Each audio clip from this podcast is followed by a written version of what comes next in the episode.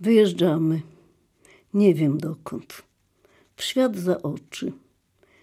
11 czerwca 1946 roku przyjeżdża po nas ciężarowe auto z. Z nikim się nie żegnamy, bo wszyscy już się z nami pożegnali i wyjechali. Szofer i jego pomocnik razem z mamą wynoszą nasze bagaże. Śmieszna rzecz, jedno blaszane wiadro kuchenne się nie zmieściło do żadnej paki. To może zostawić, waha się mama. Lonia, co ty gadasz? Żeby nie było w czym wody przynieść? Przecież nie wiesz, jak długo będziemy jechać. Tydzień, miesiąc? Racja. Babcia bierze wiadro do lewej ręki jak torebkę. Mama siada w szoferce, a my się ładujemy między paki. Sadowię się tyłem do kierunku jazdy, żeby jeszcze jak najwięcej zobaczyć i zabrać ze sobą na zawsze. Choć przecież wyjeżdżamy na dwa, trzy miesiące, może rok. Niebo jest błękitne, ze słodkimi białymi chmurkami, pełne słońca. Nasza dominikańska, od placu dominikańskiego do rynku, aż biało od upału. Siedzę wpatrzona w kopułę dominikańską, żeby ją sobie wbić w mózg na wieki wieków. Amen. I zapamiętuję ją rzeczywiście na całe życie.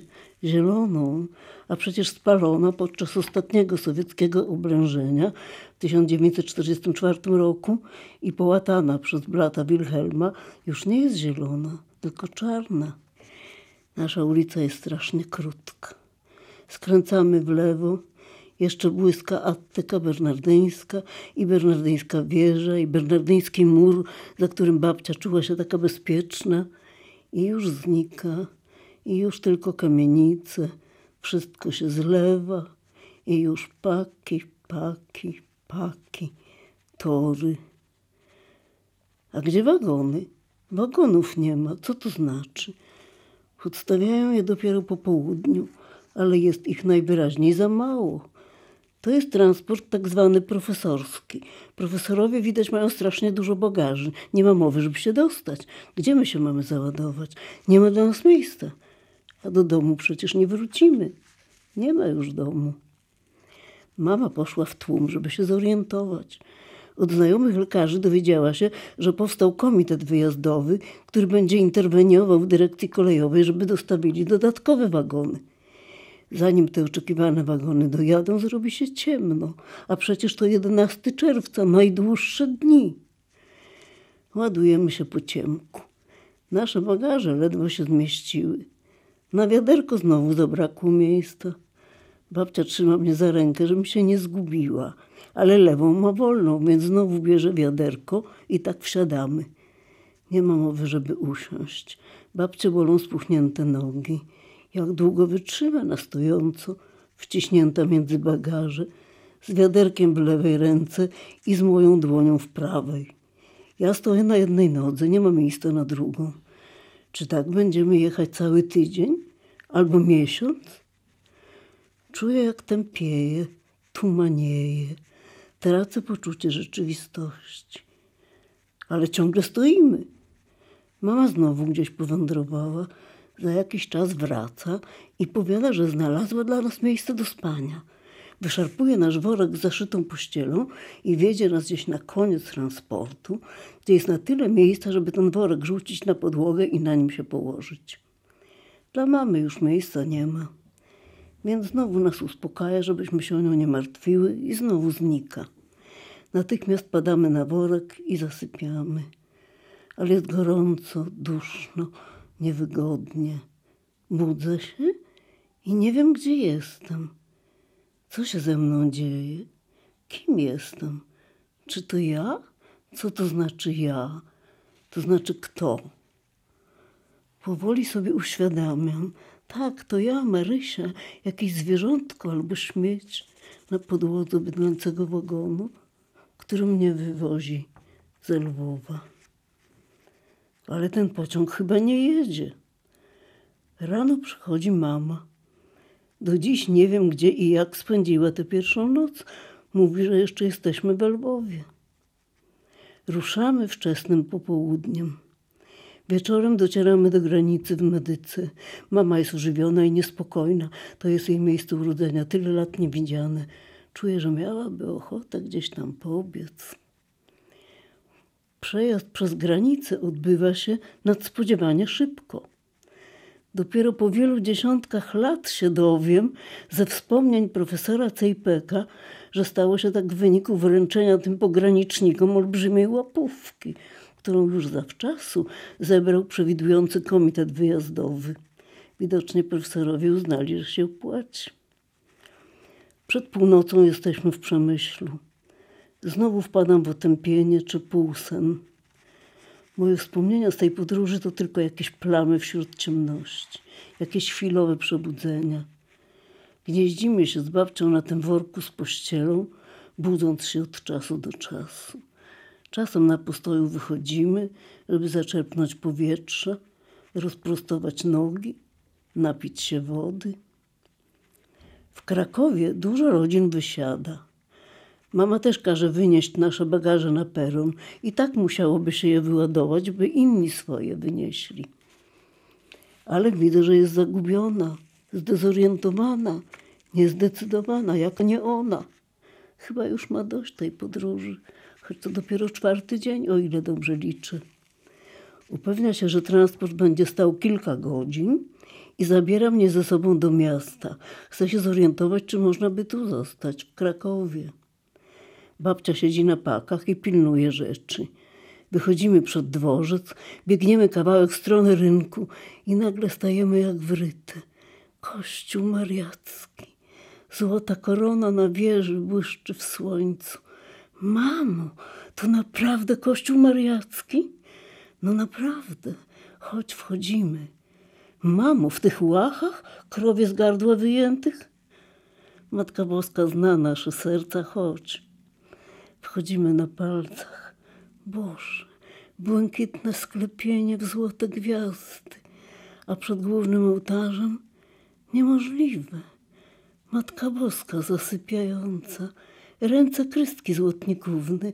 Mamo, to naprawdę ołtarz wita stwosza? On naprawdę jest?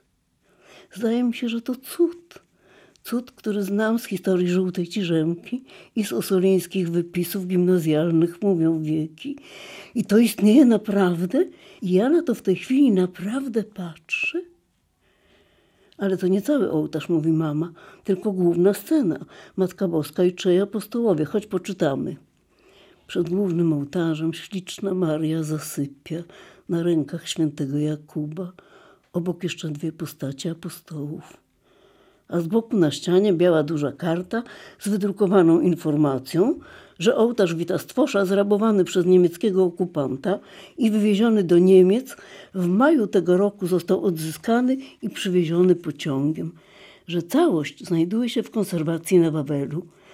Popatrz, mamuś, w maju przywieziony, a teraz czerwiec, ale mamy szczęście, prawda, mamusiu?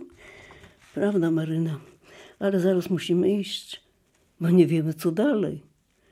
Mama klęka i przez chwilę modli się z zapamiętaniem. Chodź, myszeczku. I teraz biegiem do tych baraków purowskich, gdzie zamieszkali państwo Daumowie. Są, wszyscy w jednej izbie. I jest fortepian, a reszta pak pod sam sufit. Zresztą niziutki. Pani Loniu, no sama pani widzi, że tu się nie da żyć. A krakowiacy Pani nie ma pojęcia.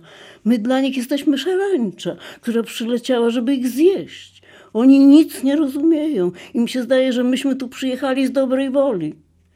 Panie doktorze, a ja kazałam rzeczy wyładować na peron. Ale Szlonio, co pani zrobiła? Niech pani natychmiast leci na dworzec. Jeśli transport jeszcze nie odjechał, wsiadać i jechać dalej. Ani słowa, już. Boże, dziękuję, panie doktorze. Maryna, chodź. Na dworze mama zatrzymuje się na moment ale musimy wpaść do ciotki Maryśki, przecież jeszcześmy się nie widziały po obozie. Ciocia Marysieńka z Żółkwi rok temu wróciła z Bryku. Mieszka przy ulicy Świętego Krzyża. To bardzo blisko dworca, prawie po drodze. Przeskakujemy po dwa schody na pierwsze piętro migiem. Pukamy.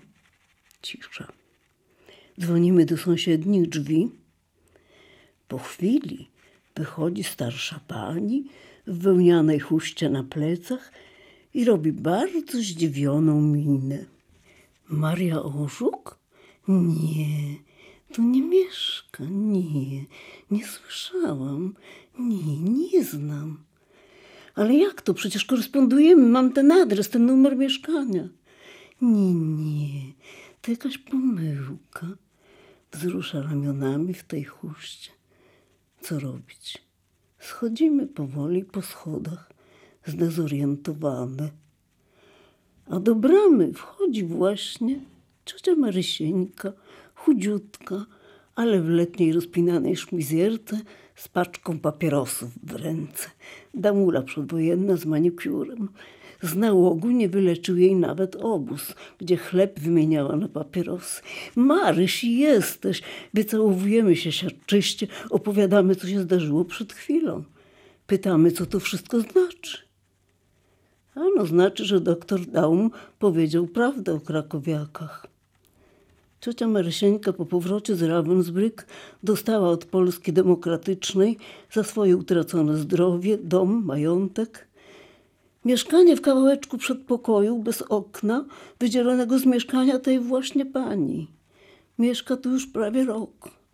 Czasem obie razem piją po południu kawę w pokoju, którego okno wychodzi na podwórzec. No, Maniuśka, całe szczęście, że akurat przyszłaś w porę z tymi papierosami. Przecież mogłyśmy się rozminąć, a ta pani pewnie by ci nawet nie wspomniała, że ktoś cię szukał. No widzisz, Lonio, to jest Kraków.